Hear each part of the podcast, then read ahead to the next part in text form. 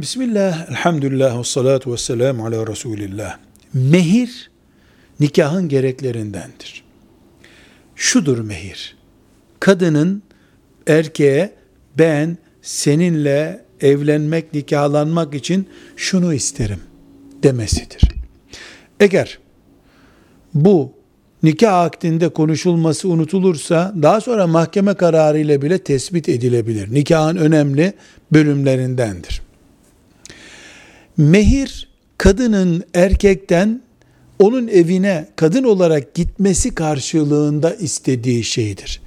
Çeyiz, takılar, düğündeki hediyeler, nişan vesairedeki hediyeler mehir sayılmamalıdır aslında. Neden? Takı e, konuşulmuş bir pazarlık edilmiş bir şey değildir, bir hediyedir.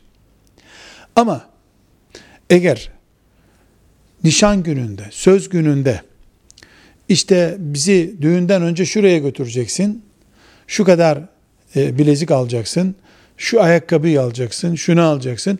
Nikah masasına oturduğumuzda da mehir olarak şu kadar daha vereceksin deniyorsa bunların toplamı mehir demektir. Ama esasen çeyiz ve diğer takılar bizim toplumumuzda mehir statüsünde kabul edilmemektedir. Mehri ayrı bir şekilde tutacağız.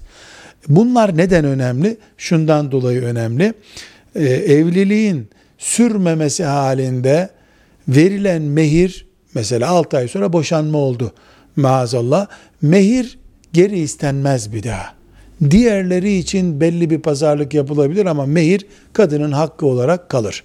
Velhamdülillahi Rabbil Alemin.